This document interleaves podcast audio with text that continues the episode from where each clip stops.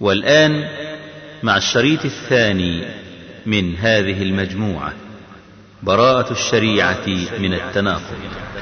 إن الحمد لله تعالى نحمده ونستعين به ونستغفره ونعوذ بالله تعالى من شرور أنفسنا وسيئات أعمالنا من يهد الله تعالى فلا مضل له ومن يضلل فلا هادي له وأشهد أن لا إله إلا الله وحده لا شريك له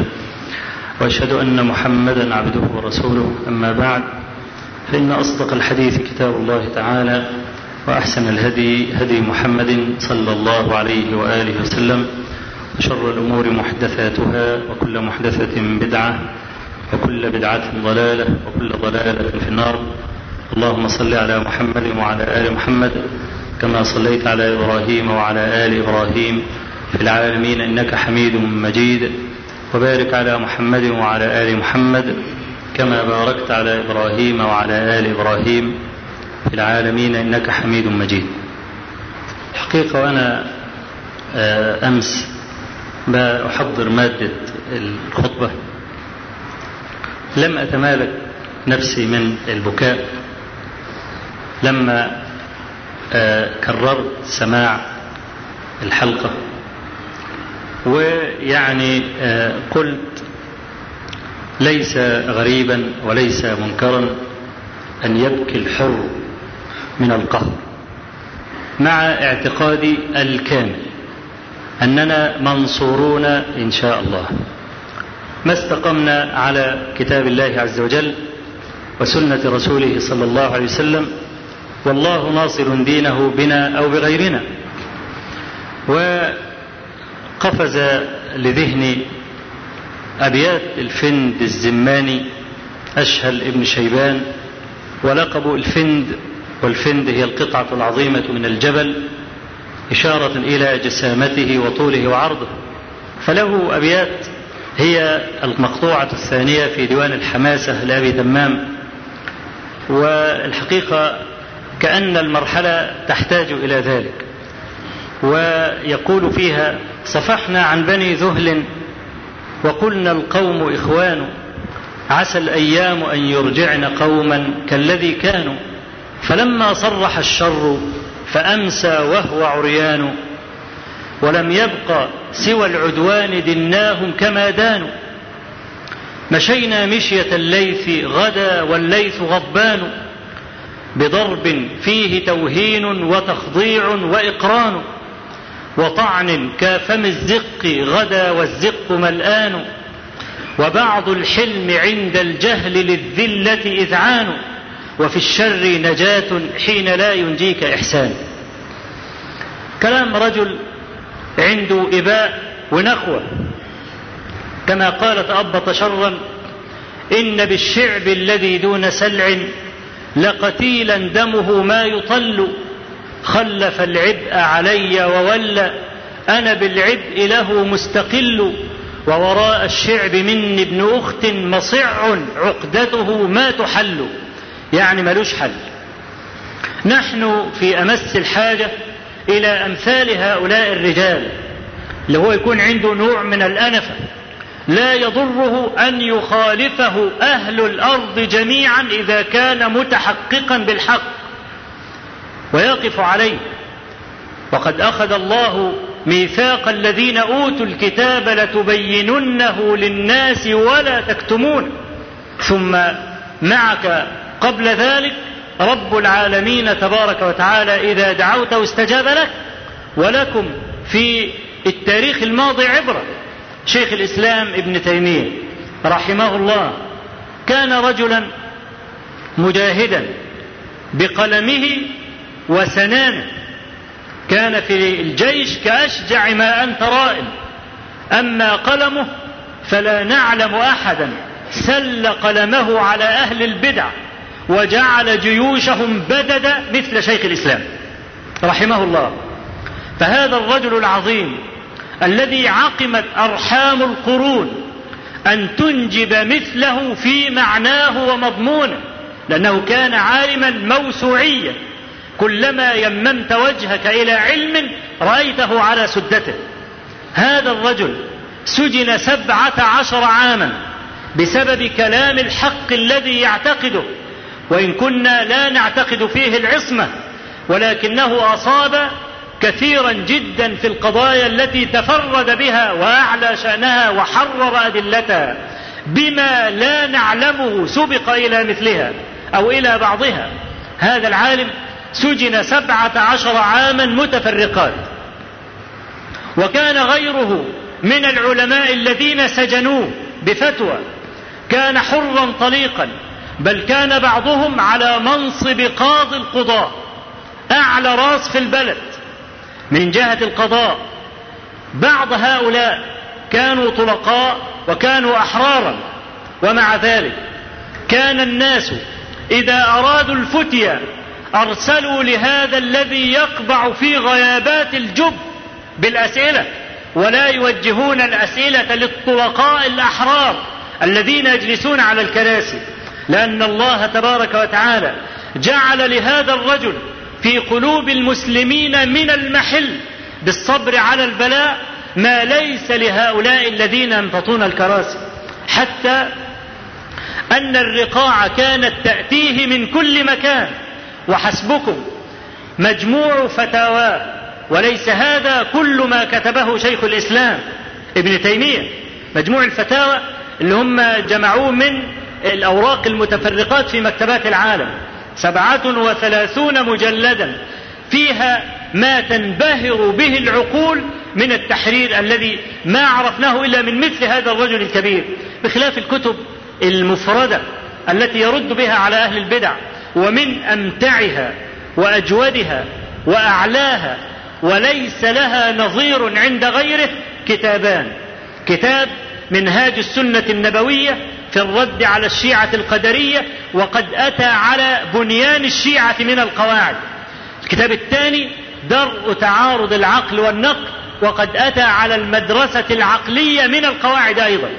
وحاججهم بالعقل وألزمهم بحجة العقل أنهم مخطئون لا يعرفون ما هو العقل هذا الرجل الكبير كان كما قلت مسجونا سبعة عشر عاما في غيرات الجب ومع ذلك جعل الله عز وجل له في القلوب من المحل ما هو له بأهل إن شاء الله تعالى لأجل هذا أنا أقول هذا الكلام ليه حتى لا يظنن ظان أن شهرة الرجل تجعله محلا للأسوة به لا سرعان ما يتبخر واذا مات مات وماتت دعوته والله عز وجل يقيض لدينه من يشاء لكن المسألة تحتاج إلى نوع من الجدية طلبة العلم يقفوا على الثغور ويحتسبون أعمارهم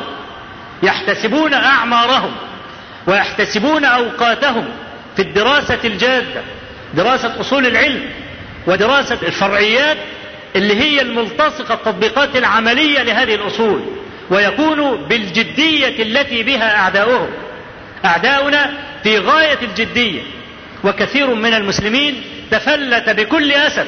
بسبب إما ضلال المتكلم وإما جهله أيضا مسألة العقل اللي المعتزلة بيدندنوا عليها دائما ويتهمون أهل الشريعة بالغباء وانهم ليس لهم عقول والنصوص تخالف العقول ومع ذلك يقبلون النصوص وقد ظلموا اهل الشريعه ظلما بينا بهذا اهل الشريعه اناس متحققون بالعقل الشرعي مش العقل اللي هو الحر العقل الشرعي الذي يجعل النص اولا ثم يعمل هذا العقل في فهم كلام الله عز وجل وكلام رسوله صلى الله عليه وسلم من الاشياء التي ردوها في هذا المجلس المشؤوم الكلام الذي تكلم اهل العلم عليه وطولوا فيه لا تزر وازره وزر اخرى مع الميت يعذب ببكاء اهله عليه شبعنا كلام في المساله دي ومع ذلك تجد لازم نبتدي دايما من اول السطر تقول مئة مره وهو لا يفهم ايضا وتعيد الكلام ولا يفهم أيضا لا يزيد بكثرة الكلام إلا ضلال يقول لك لا تزر وازرة وزر أخرى طب ده أنت إذا مشيت بالحدوتة ديت هتكذب كلام الله ألم يقل الله عز وجل ولا يحملن أثقالهم وأثقالا مع أثقالهم وقال ليحملوا أوزارهم كاملة يوم القيامة ومن أوزار الذين يضلونهم بغير علم ألا ساء ما يزرون يعني يبقى ضلالي وحيشيل مصيبة الذي أضله طب ما هو ده من الكسب بتاعه هو لما يمسك واحد يضل أليس هذا من كسبه لما نقرأ قوله عز وجل كل نفس بما كسبت رهينة هو لما يمسك واحد يضله ده كسب مين أليس من كسبه الدال على الخير كفاعله والدال على الشر كفاعله ومن سن في الإسلام سنة حسنة فله أجرها أجر من عمل بها يوم القيامة ومن سن في الإسلام سنة سيئة فعليه وزرها وزر من عمل بها يوم القيامة كسب على أي حال هذا من جملة كسبه فأي تعارض لما النبي صلى الله عليه وسلم يقول الميت يعذب ببكاء أهله عليه العلماء يقولون البكاء هنا هو النوح النوح والنوح قدر زائد على مجرد البكاء النوح المصحوب بالجزع ومصحوب بالكلمات التي تناقض الصبر وسبعاه وجملاه وجحشاه أي حاجة من دي طب هو لما يقول هذا الكلام ويجأر به طب ما ده نوع من الاعتراف بخلاف البكاء الصامت البكاء الصامت الذي ينذر بذل وانكسار وتسليم لأقدار الله عز وجل كما فعل رسول الله صلى الله عليه وسلم مع ابراهيم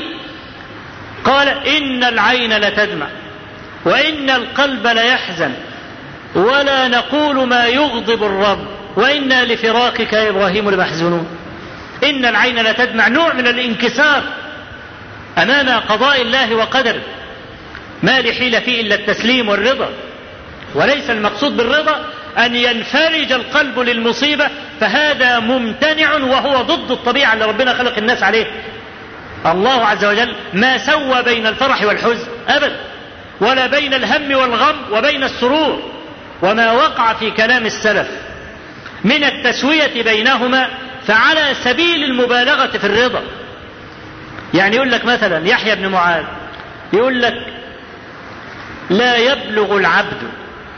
حقيقة الحب في الله والبغض في الله إلا إذا استوى عنده المادح والذام طب تيجي ازاي دي ده طبيعة الأنبياء نفسهم لم يفعلوها أوسع الناس صدورا وأعظم الناس حلما النبي عليه الصلاة والسلام لما جاء الأعراب وجذبه من حاشيته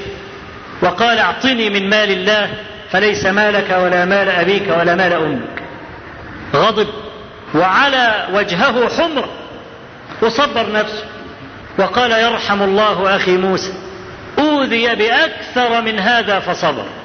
يبقى النبي صلى الله عليه وسلم كان مغتبط ومستبشر ومسرور ولا كان غضبان كان غضبان أيستوي رجل كلما لقيك شتمك ورماك بالعظائم وقذف عرضك مع رجل إذا لقيك دعا لك وقال والله انت رجل بركه ورجل مستبشرين بك اهذا يستوي مع هذا؟ مين اللي يقول هذا الكلام؟ ده بخلاف الطبيعه اللي ربنا خلق الناس عليها. ان الانسان بيجزع من الاذى ويفرح ويغتبط بما يسره وما يفرحه. والنبي صلى الله عليه وسلم احلم بني ادم قال للصحابه يوم من لكعب بن الاشرف فانه اذى الله ورسوله. وقال للشاعر عمر بن أبي عز لما هجاه فظفر به النبي صلى الله عليه وسلم فقال يا محمد كن خير آخذ ولا أعود فتركه فجاء في المرة الثانية شتم النبي عليه الصلاة والسلام وشبب نساء المسلمين فظفر به النبي صلى الله عليه وسلم أمسكه قال له كن خير آخذ فلما عفى عنه وظفر به مرة ثالثة بعدما شتم النبي صلى الله عليه وسلم فظفر به النبي صلى الله عليه وسلم فقال كن خير آخذ قال لا أدعك تمشي في طرقات مكة وتقول ضحكت على محمد مرتين لا يلدغ المؤمن من جحر مرتين وأمر به فقتل فمسألة أن يستوي المدح والذم والحزن والفرح دي مسألة غير مطاقة وما خلق الله عز وجل أحدا يطيق مثل هذا فيبقى إذا الإنسان يسوء أمثال هذا أنا ابني مات أنا بأبكي عليه و تنزل دموعي على لحيته وتتحدر استكانة لقدر الله عز وجل وتسليما لمقدوره علي وابتلائه لي وقلبي حزين ومكسور لا جناح ولا بأس عليك بذلك ولكن القلب ملك البدن فهذا القلب إذا أمسك عن الأمر للسان بأن يجزع فهذا هو الصبر هذا هو الصبر وهذا هو الرضا لأن اللسان لا ينطق إلا إذا أمره القلب بذلك واليد لا تتحرك إلا إذا أمرها القلب بذلك فإذا استكان القلب وانكسر وخشع خشعت الجوارح لانكساره وخشوعه فيبقى النهارده لما النبي صلى الله عليه وسلم يقول ان الميت يعذب ببكاء اهله عليه البخاري رحمه الله لما روى الحديث ده لم يفته مثل هذا التعارض اللي هم فاكرين ان هم يعني اكتشفوا يعني جابوا الديب من ديب قال البخاري باب الميت يعذب ببكاء أهله عليه إذا كان ذلك من سنته وقوله تعالى ولا تزر وازرة وزر أخرى هم ما خدوش الكلام ده إلا من كلام البخاري لكن أهملوا توفيق البخاري وجهد البخاري والكلام ده وخاطبوا الجهل اللي هم مش عارفين حاجة في الدنيا والجهل متصورين إن الناس دول اكتشفوا اكتشافات عظيمة وان الايه معارضه للحديث وازاي علماء المسلمين يقولوا هذا الكلام وازاي البخاري يروي هذا الكلام مع ان البخاري وفق وابان عن وجه الحديث اذا كان ذلك من سنتي وصاه التموا علي وشقوا الهدوم وخبطوا دماغكم في الحيط وقولوا يا سبعي يا جامل روحنا بداهيه بعدك يا ابو السباع هو عايز كده اذا كتب الكلام ده وعمل وكتب وصيه والكلام ده اليست الكتابه من كسب هذا الانسان أليست الوصية من كسب هذا الإنسان؟ يبقى لما نقرأ قوله تعالى كل نفس بما كسبت رهينة يبقى هذا داخل من جملة كسب. يبقى فين بقى ولا تزر وزيرة الوزر أخرى وفين التعارض مع الحديث؟ قيس على هذا بقى عشرات المسائل وعشرات الأقوال اللي هم بيدعوا فيها التعارض. فإحنا بنقول يا جماعة نجدد الكلام مرة أخرى بل للمرة المئة يا طلبة العلم اتقوا الله عز وجل في دينكم واتقوا الله عز وجل في أعماركم وابذلوا أعماركم وأوقاتكم لله عز وجل وسيرزقكم أنت ممكن تروح في آخر بلاد الدنيا عشان تدور على شغل عشان تتزوج وعشان تستعف والكلام ده نحن لا نحرج عليك ولا أقول إنك آثم بذلك لكن أنا أخاطب أصحاب الأهلية وأصحاب العزمات إنك لو تركت ذلك كله لله عز وجل لهذا المعنى الجليل رزقك الله سبحانه وتعالى وكف وجهك عن أهل الدنيا وهذا لا يكون أيضا إلا بأن يقوم أغنياء المسلمين بواجبهم نحو هؤلاء الطلبة طلبة العلم فقراء أو مساكين وأنا عارف طلبة العلم عارفهم وعارف المستوى اللي هم عايشين فيه وإن طالب العلم الغني في الغالب لا يطلب علم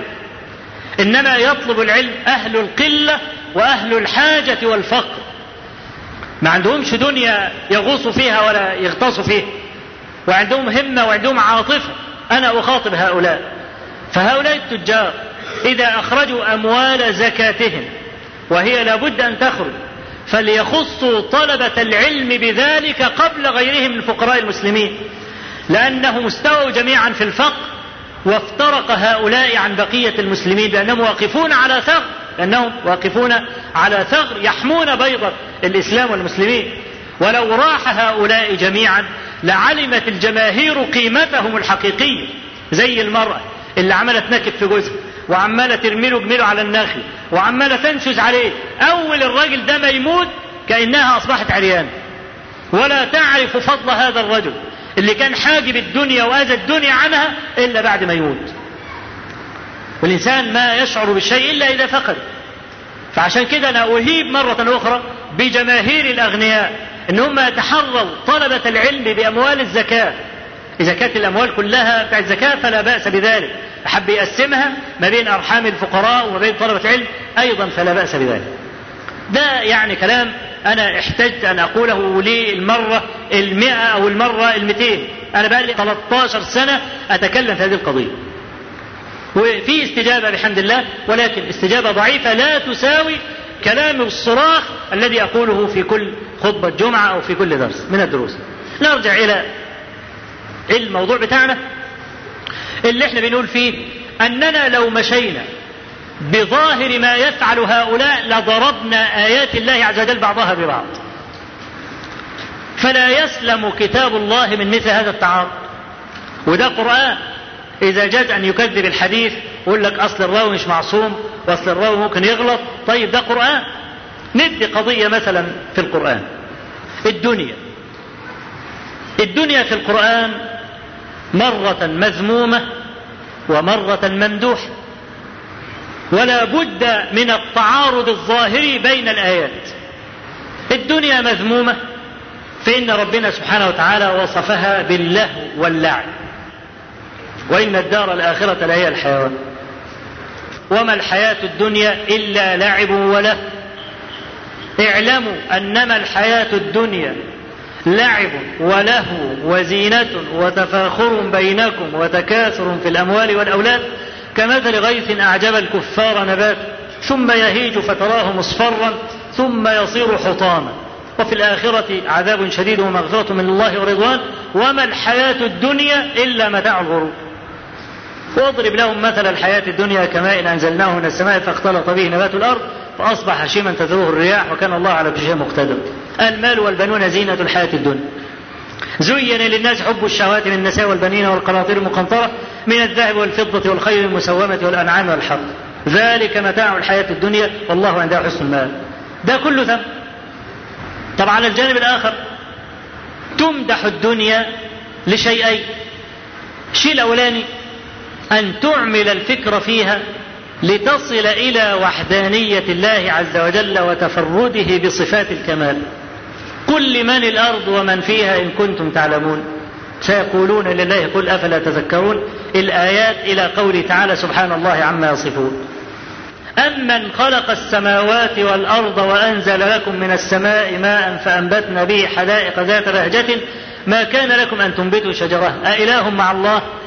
بل هم قوم يعدلون أمن جعل الأرض قرارا وجعل خلالها أنهارا وجعل لها رواسي وجعل بر بحرها حاجزا أي لهم مع الله بل أكثرهم لا يعلمون أهو مدح للدنيا من باب انك انت ايه؟ من باب ان انت تتفكر فيه. فانا النهارده لما اتي على المعنيين الخبطهم في بعض مع وجود احاديث كقوله صلى الله عليه وسلم لو كانت الدنيا تعدل عند الله جناح بعوضه ما سقى الكافر منها شربة ماء طيب خلقنا فيها ليه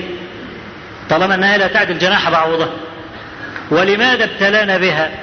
وهي لهو ولعب فاللي بينظروا لهذا المعنى يعطلون النصوص الأخرى الحاضة على استثمار الدنيا يعني مثلا يقول لك أنا لا أحرث ولا أزرع ولا ألعب ليه يا عم قال لك لأن النبي صلى الله عليه وسلم قال ان اللي عنده محراث ربنا هيذله حديث ابي امامه في البخاري ان النبي صلى الله عليه وسلم راى سكه زرع محراث يعني قال ما دخل هذا بيت قوم الا ادخله الله الذل طب انا هحرث الارض ازاي لازم من محراث والمحراث سبب في دخول الذل على البني ادم يبقى معنى الكلام ارمي المحراث وما تزرعش الارض ادي الكلام اللي فاهمه مستشرق الماني وكل اسف واحد في مجله العربي قعد يطنطن على الكلام ده ويكذب الاحاديث دي كلها لا ده النبي صلى الله عليه وسلم في احاديث اخرى كثيره دعا الى استثمار الارض حديث انس في الصحيحين ما من مسلم يزرع زرعا او يغرس غرسا فياكل منه طير او انسان او حيوان الا كان له اجر وحديث جابر في نفس المعنى في صحيح مسلم وحديث الرجل اللي هو في الصحيحين الرجل بتاع السحابه حديث ابي هريره ان النبي صلى الله عليه وسلم قال بينما رجل يمشي في فلاه من الارض اذ سمع صوتا في سحابه يقول اسق ارض فلان فتنحى السحاب وافرغ ماءه في مكان الرجل اللي سمع الصوت ده هو فضل ماشي ماشي ورا الميه دي لحد ما لقى واحد معاه فاس وعمال يحول الميه للارض بتاعته فناداه فقال له يا فلان فالرجل اتعجب قال ومن اين عرفت اسمي يا عبد الله عرف اسمه منين من السحابة قال له لا أخبرك حتى تخبرني ماذا تفعل وفي رواية قال إني سمعت اسمك في هذا السحاب الذي هذا ماء يقول اسقي أرض فلان فماذا تفعل فيها قال أما قد قلت ذلك يعني لولا ان انت قلت لي القصه دي كلها واسمي والسحاب والكلام ما كنتش هقول لك حاجه فاني اغرس البذر وبعدين اقسم اللي يطلع من الارض ثلاث تتلات اكل انا وعيالي ثلثه واتصدق بثلثه وارد فيها ثلثه تقاوي يرجع البذر مره ثانيه في الارض عشان يزرعها ويتصدق بالتل وياكل هو وعياله التل هو النهارده لو واحد اعرض عن زراعه الارض ولا اعرض عن العمل سيقع في اثم كوم اللحم اللي وراه مراته وعياله لهم نفقة واجبة إذا أهملهم وذهب إلى أي مكان في الأرض بأي دعوة وسابهم ياكلوا زلط وراه وطوب سيلقى الله عز وجل ظالما الإثم قد أحاط به وهذا نص كلام رسول الله صلى الله عليه وسلم كفى بالمرء إثما أن يحبس عمن يملك قوتا ده اللفظ الصحيح الذي رواه مسلم أما اللفظ المشهور فهو لفظ أبي داود ولكن الإسناد إليه ضعيف كفى بالمرء إثما أن يضيع من يقود أو من يعول في رواية أخرى لكن الصحيح لفظ مسلم من حديث عبد الله بن عمرو كفى بالمرء إثما أن يحبس عمن يملك قوته فهل بين قول النبي صلى الله عليه وسلم ما دخل هذا بيت قوم إلا أدخله الله الذل هل في تعارض ما بين هذا الحديث وبين الأحاديث الأخرى الحاضة على استثمار الأرض ولا كل استثمار الا انك تستخدم المحرك لا وجه المعاني ده له معنى وده له معنى مفيش اصطدام ما بين الاثنين البخاري رحمه الله لاحظ هذا لاحظ هذا اورد حديث انس ما من مسلم يغرس غرسا تحت قوله باب اصطناع المال اصطناع المال استثماره وبعدين عقد بعد كده الباب على الحديث بتاع ابي امام باب كراهيه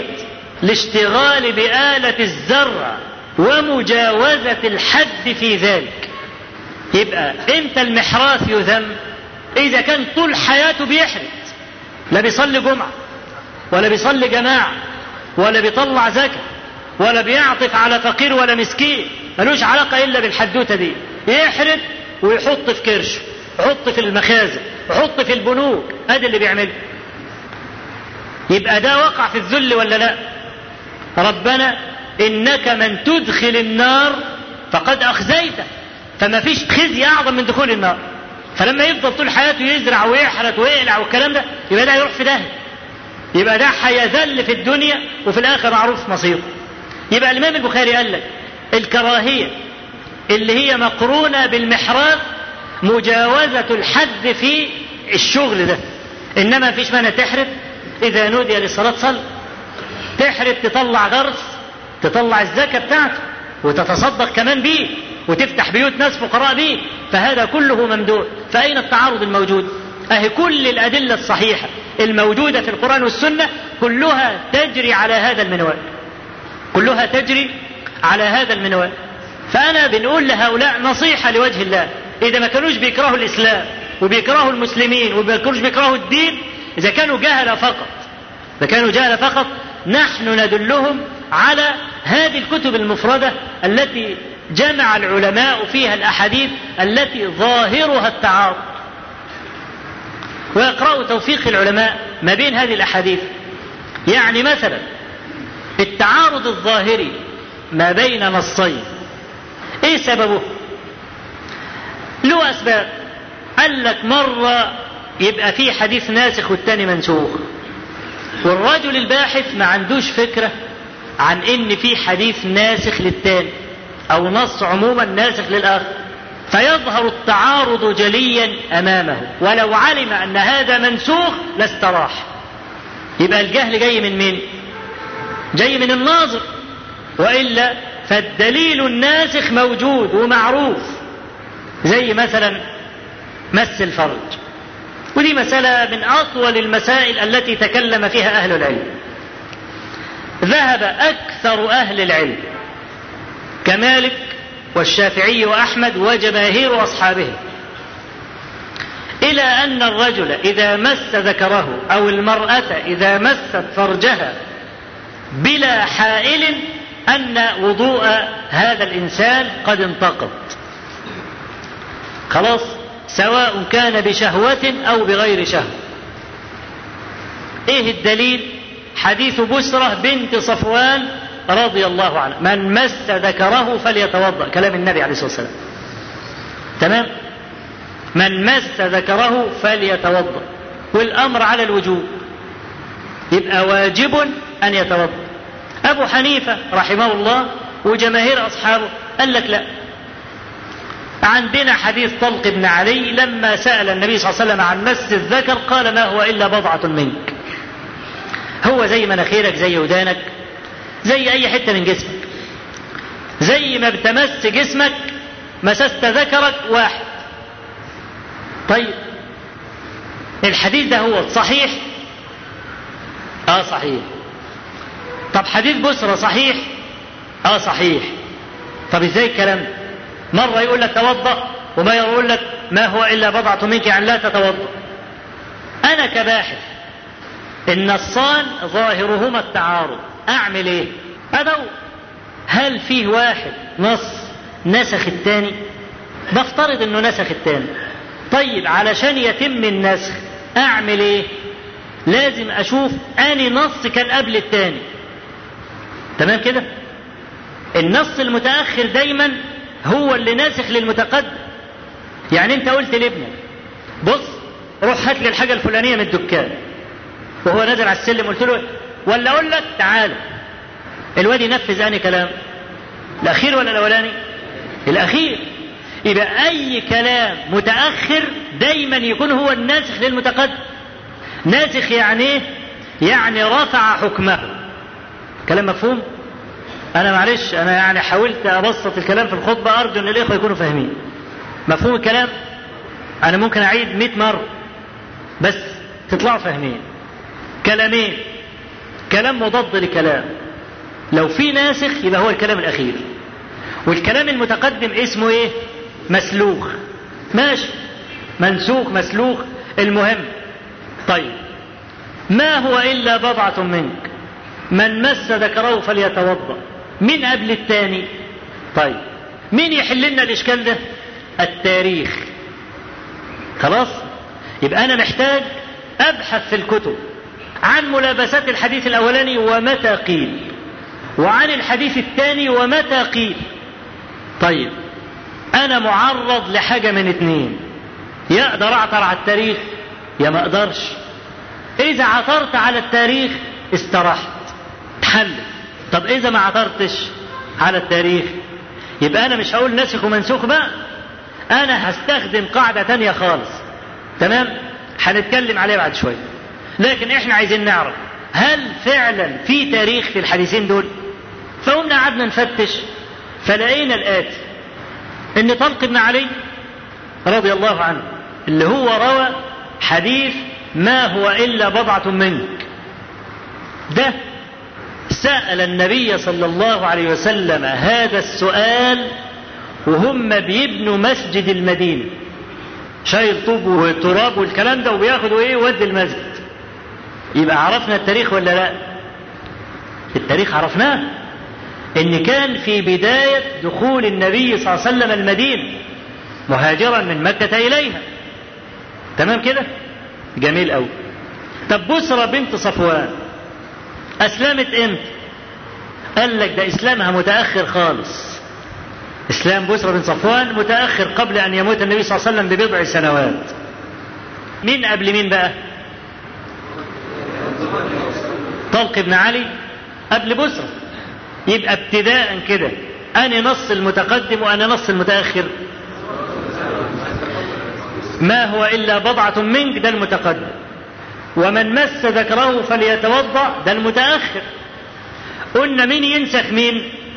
المتأخر ينسخ المتقدم يبقى على هذا الكلام من مس ذكره فليتوضأ هو الذي نسخ ما هو إلا بضعة منك تمام كده لحد كده احنا مستريحين قام طالع لنا واحد كده من من الشأن وحاطط لنا شبهة قامت موقفانا الشبهة دي عبارة عن ايه قال لك صح طلق بن علي الحديث كان في أيام ما كانوا بيبنوا مسجد المدينة لكن من أدراك أن طلق بن علي لم يسأل النبي صلى الله عليه وسلم هذا السؤال في حجة الوداع مثلا حجة الوداع ده آخر حاجة عند النبي عليه الصلاة والسلام أليس من الجائز أن يكون سمعه منه في غزوة من الغزوات في أي اجتماع من الاجتماعات جائز ولا غير جائز قال لك جائز قال لك اثبت لي بقى ان النبي صلى الله عليه وسلم قال هذا الحديث في هذه المرة ولم يسأله طلق مرة أخرى فدي معضلة لأن مش معنى أن الراوي متقدم الإسلام بكل أحاديثه بدري بدري ومش كل راوي متأخر الإسلام تبقى أحاديثه متأخرة يعني أبو بكر الصديق مثلا مش كل أحاديثه منسوخة عشان هو أول من أسلم لأن ممكن يكون سمع الحديث ده هو قبل ما النبي صلى الله عليه وسلم يموت بيوم مش كده؟ يبقى هو اخر واحد سمع فلا علاقه ما بين انه اول واحد اسلم او انه اخر واحد سمع فقال لك اثبت لنا بقى ان النبي صلى الله عليه وسلم ما قالش الحديث غير المره دي إذ من الجائز أن يكون قاله لطلق مرة أخرى ويكون كلام الحديث هو متأخر عن بسرة بن صفوان كمان. نقول والله عداك العيد وإحنا مطالبين فعلا إن إحنا نزيل الشبهة دي. طب إزالة الشبهة دي إزاي؟ بكلام العلماء. طب طلق ابن علي هل يا ترى لقي النبي صلى الله عليه وسلم بعد هذه المرة أم لا احنا ما عندناش دليل على المسألة دي إلا أقوال العلماء المتبحرين والتواريخ اللي بيجمعوها في الكتب فوجدنا أحد العلماء المتبحرين الكبار ألا وهو ابن حبان رحمه الله قال لا نعلم في خبر من الأخبار أن طلق بن علي لقي النبي صلى الله عليه وسلم بعد هذه المرة واحد يقول طب ده ابن حبان كان في القرن الرابع ايش عرفه طلق ابن علي الصحابي ده قابل النبي ولا ما قابلوش قال لك ما المسألة كلها مسألة أخبار وتواريخ والجماعة العلماء دول كانوا بيفتشوا عن أدنى كلمة وحرف حدثت في القرون السابقات قرون الخوالي قال لك لما نيجي بقى نتصفح الغزوات والسير والحكايات ولا نرى في أي حكاية ذكر اسم طلق بن علي كأنما ظهر هذه المرة واختفى ولم يرد ذكره في أي خبر من الأخبار لا في غزو ولا في حجة وداع ولا نقل عنه أي أثارة من علم تدل على أنه لقي النبي صلى الله عليه وسلم بعد ذلك العلماء يقولون نفي العالم المتبحر علم لما يقول لك لا أعلم يبقى علم لأنه ما نفى إلا بعد الاستبحار في الكتب يبقى أنا عندي دلوقتي كلام عالم لا مرد له من عالم آخر أن طلق بن علي لم يلقى النبي صلى الله عليه وسلم إلا هذه المرة فقط لا غير يبقى ثبت بذلك يقينا أن حديث بسر بن صفوان من مس ذكره فليتوضأ متأخر عن حديث طلق بن علي ما هو إلا بضعة مني اذا ثبت النسخ إذ ثبت التاريخ تمام طيب افترض ان احنا ما عثرناش على كلام ابن حبان ومش عارفين نجيب التاريخ لا قبل ولا بعد نعمل ايه في النصين دول العلماء استخدموا قاعده تانية شوف انا بقول لكم الكلام ده ليه عشان اعرفكم ان العالم الجهله دول المفروض لو عنده دم يدفن نفسه ويفضل يعيط على نفسه كمدا وغما وندما الى ان يموت هي المساله سهله ولا المساله بالفتاكه ها وبتيجي كده ضربه تلازب لا مساله صعبه جدا جدا وعلماء المسلمين لم يفرطوا ولم يقصروا وضعوا قواعد ما تخرش الميه اذا كان انسان ذكي وبيفهم ومتجرد لله عز وجل طيب افترض ما لقناش تاريخ في التعارض دوت نعمل ايه قال لك يبقى نسلط احد النصين على الاخر في المعنى وده اللي عمله شيخ الاسلام ابن تيميه شيخ الاسلام قال لك لا المساله ما فيهاش نسخ ومنسوخ لان ما فيش تاريخ لكن ما هو الا بضعه منك لما نسلطه على حديث من مس ذكره فليتوضا يقوم يخفف الامر بدل ما هو للوجوب ينزل تحت للايه للاستحباب يقول لك بقى من مس ذكره فليتوضأ كلمة لفظة فليتوضأ دي اللي تفيد الوجوب وجوب الوضوء يعني قال لك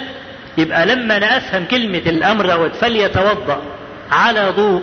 ما هو إلا بضعة منك كأنما قال له ليس الأمر على الوجوب بل يستحب لك أن تتوضأ لاحتمال أن هذا المس أثار شهوتك فنزل المزي الذي يجب منه الوضوء فأنت مش متأكد نزل مزي ولا ما نزلش يبقى دخلنا باب الاحتياط يبقى المسألة ما عادتش على الوجوب بقت على الاستحباب قال لك يبقى إيه حديث طلق بن علي قرينة صارفة لهذا الأمر الذي ظاهره الوجوب تنزله للدرجة اللي تحت شوية ما يبقاش الأمر يعني كده قوي جدا لا يبقى أخف شوية يبقى حينئذ نعمل النصين جميعا فصدق رسول الله صلى الله عليه وسلم في القول الاول كما صدق في القول الثاني وكلاهما حق نسلط ده على ده يبقى نخرج بالحكم الشرعي وهو استحباب استحباب الوضوء من مس الذكر لا وجوب الوضوء من مس الذكر يبقى عندنا دلوقتي ثلاث مذاهب لأهل العلم مذهب الكوفيين إن مس مفيش مشاكل مذهب الائمه الثلاثه انك لازم تتوضا مذهب شيخ الاسلام ابن تيميه انه لا تعارض انه يستحب الوضوء من مس الايه؟ من مس الذكر. ادي نصان متعارضان عشان اوفق بينهم لازم اطبق القواعد دي تطبيقا صحيحا. لكن ما اجيش بمنتهى البساطه والسهوله واقول لك الحديث ده مكذوب. طب مكذوب ليه؟ هو الخبر الحديث امتى يقال فيه مكذوب؟ عندما يرد في سند الحديث راو كذاب راو كذاب لكن إذا كان في حديث إسناده كالآتي قال البخاري حدثنا أحمد بن حنبل قال حدثنا الشافعي قال حدثنا مالك عن نافع عن ابن عمر أنا عايز واحد يكح ها البخاري البخاري وأحمد بن حنبل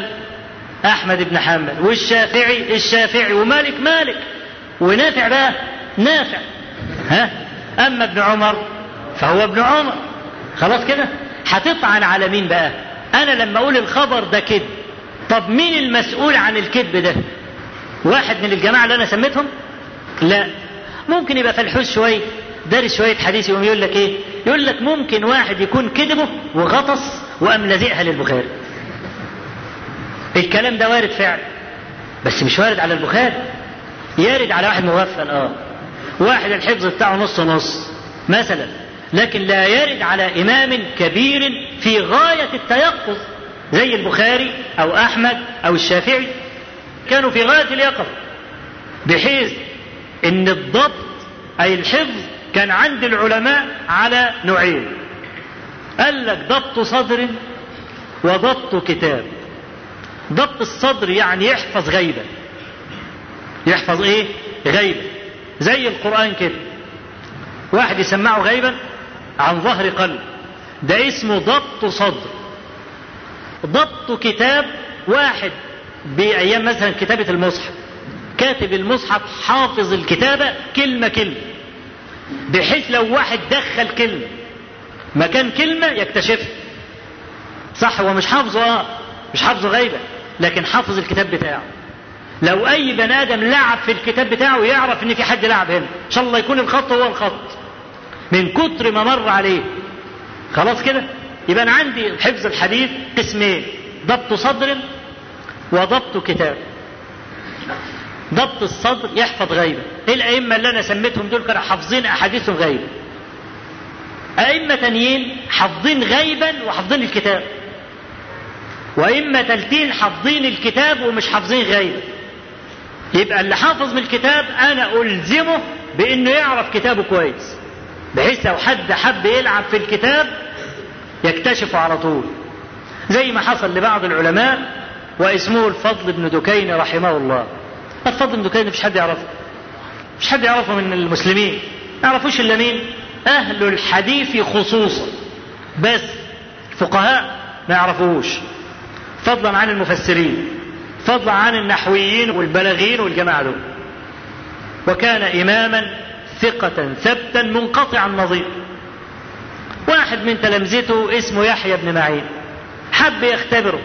هو حافظ ولا مش حافظ ففي مجلس من المجالس خلى التلامذة كلهم قاعدين وبعدين يحيى بن معين ده كان بيقعد على شمال الفضل بن ذكي وأحمد بن حنبل بيقعد على يمينه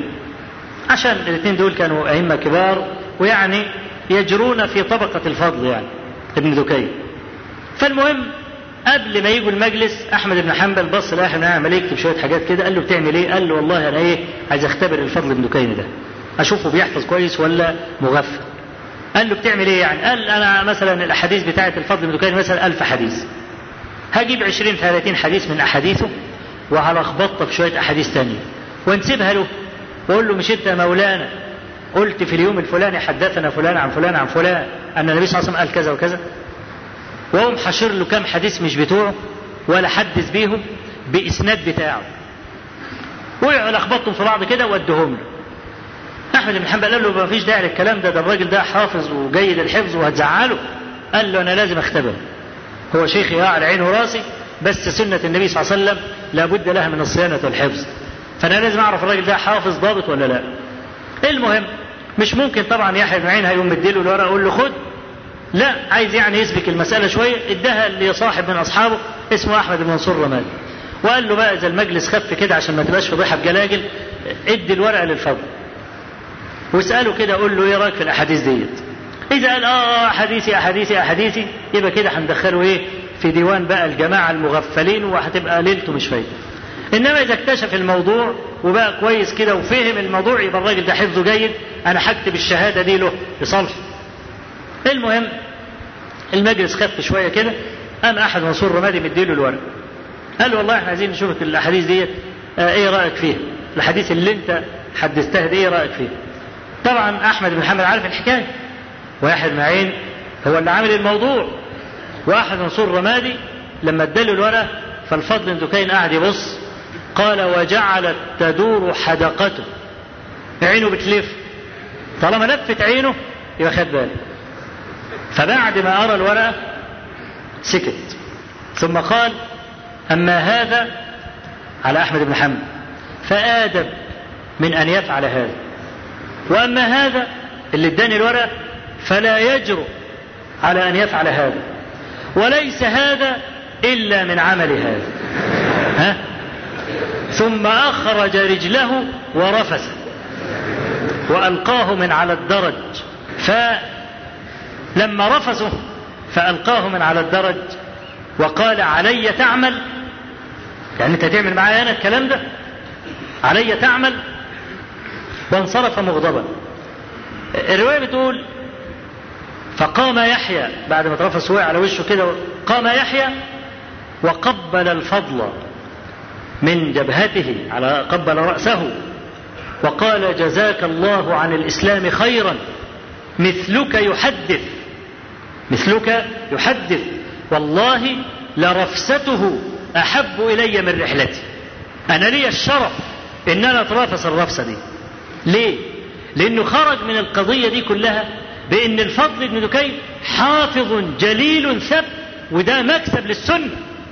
مكسب للسنة إن واحد زي ده حافظ ألفين عشر تلاف حديث أنا همشي له أحاديثه فيبقى لما يرفصني يبقى لي الشرف إن هو رفصني بس طلعنا بالنتيجة إن إيه؟ إن هذا الرجل يحفظ حفظ صدر وحفظ كتاب أيضا فالنهاردة لما هم يجي يقول لك الحديث ده مكذوب أنا عايز أعرف الكذب ده جاي منين والسند زي ما أنا قلت لك البخاري أحمد الشافعي مالك نافع بن عمر يجي الكذب منين؟ الكذب لا يتأتى إلا إذا كان في واحد من دول مدلس مدلس يعني يعني خد الحديث عن كذاب وقام حاطط لحاف على الكذاب غطاه اجي انا ابص وبحلق كده ما الاقيش غير البخاري واحمد فلو افترضنا البخاري مثلا مدلس ولا حاجه خد الحديث ده عن واحد كذاب وقام مغطسه وخلى الحديث عن احمد ممكن لكن هل البخاري مدلس؟ لا ما حصلش احمد مدلس ما حصلش واحد من الباقي مدلس المدلس ما حصلش يبقى الاحتمال ده مش وارد يبقى انت بتوريده ليه تنطق وتقول كذب ليه عشان هو مش فاهم ادي الموضوع وقد اجمع علماء الحديث على ان مرد الحكم على الحديث يكون على الاسناد اولا فإذا صح الإسناد صح المتن ولا بد شوف كلامي واضح أهو طيب يلاقي واحد في كتب المصطلح يقول لك إيه؟ يقول لك ربما يكون الإسناد صحيحا بس المتن كده أقول لك هذا مستحيل وشوف أنا بقولها بالفم المليان أهو هذا مستحيل لازم يكون فيه علة في السند عرفت تجيبها عرفت ما عرفتش فيه علة ما يعرفش يجيبها إلا الأساتذة الكبار لابد أن ينطوي هذا الإسناد الذي ظاهره الصحة على علة تقدح في هذا المد إنما سند صحيح ليس فيه علة يستحيل يكون في متن موضوع عليه أبدا طب يقول لك طيب طب ما علماء الحديث مثلا يقول لك اسمع متن كده متن من غير ما يكون له سند يقول لك كذب وانت لسه عمال تجعجع من شويه وبتقول مستحيل لازم السند يكون بايظ عشان المتن يبقى بايظ طب تعمل ايه في هذا النموذج عالم من علماء حزب كبار واحد يقول له مت يقول له كذب تدور على سند ما تلاقيش اقول لك هذا النوع نادر هذا النوع نادر ونسلم فيه لأهل الاختصاص يبقى تسعين بالمية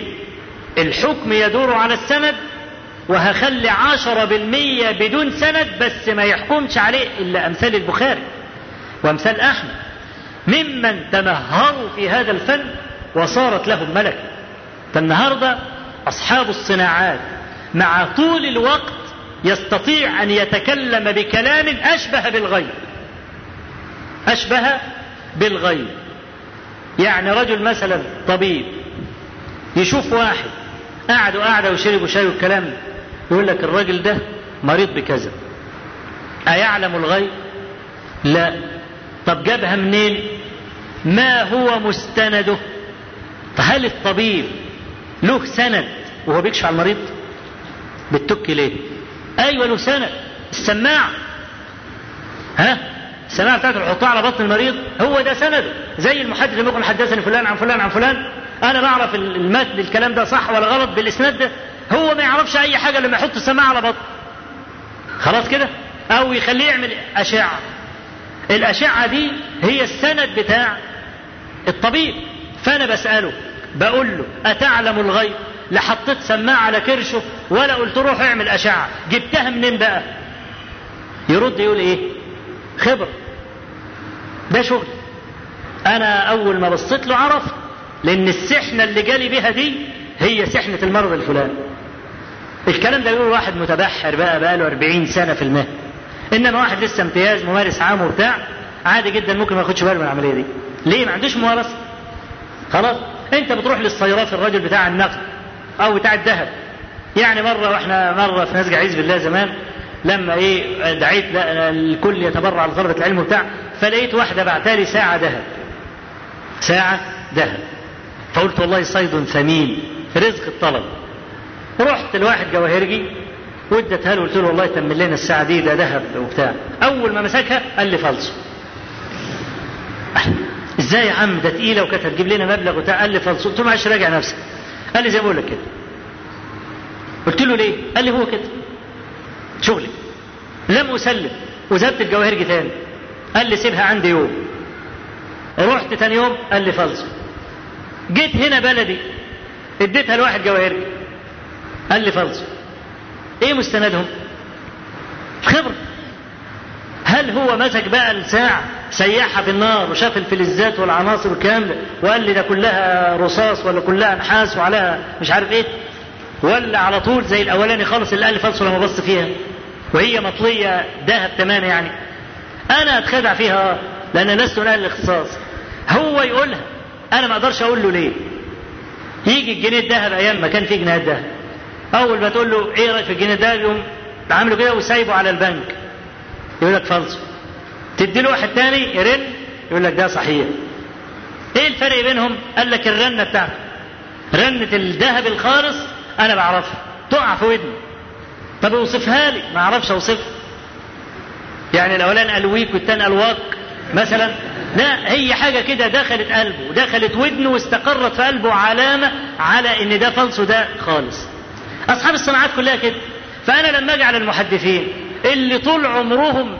ماشيين في الصحراء سايبين عيالهم وسايبين اهاليهم واللي ما اتجوز واللي ضحى بعمره واللي باع داره واللي باع حماره واللي باع الكلام ده عشان يروح يطلب الحديث حياته كلها في الصحراء زي ما انا قلت لكم قبل كده بقي ابن مخلد غاب 34 سنه ماشي في البراري ماشي على رجله جاء من الاندلس من اسبانيا لحد بغداد ماشي على رجله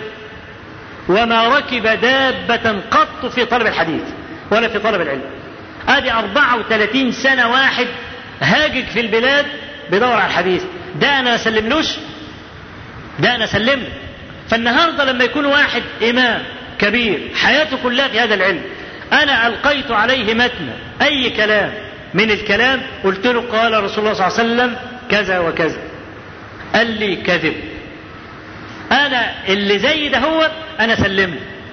وهذا كما قلت لا يشكل شيئا كبيرا بالنسبة للقسم الأول اللي هو لا نحكم على المتن إلا بوجود الإسناد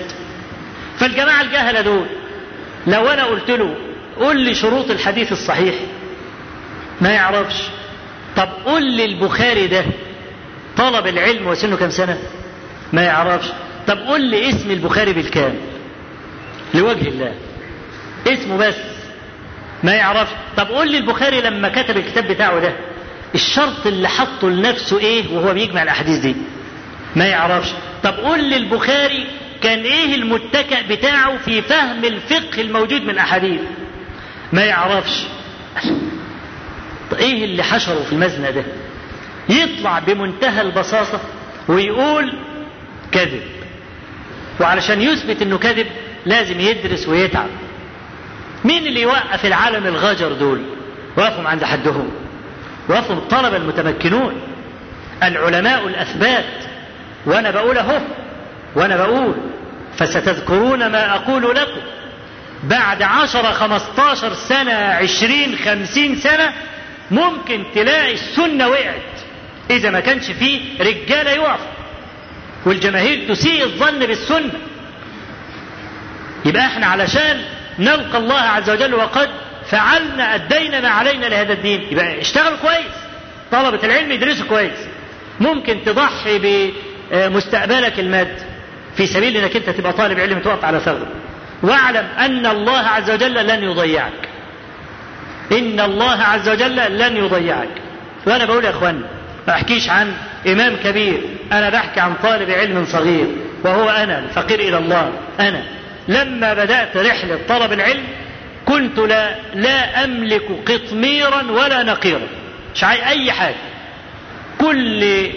اللي أمتلكه مرتب 55 جنيه الكلام ده كان سنة 1980 لما صاحب العمل تفضل عليا واشترى لي شقه ودفع مقدم الشقه 1400 جنيه كان بيخصم 50 جنيه من ال 55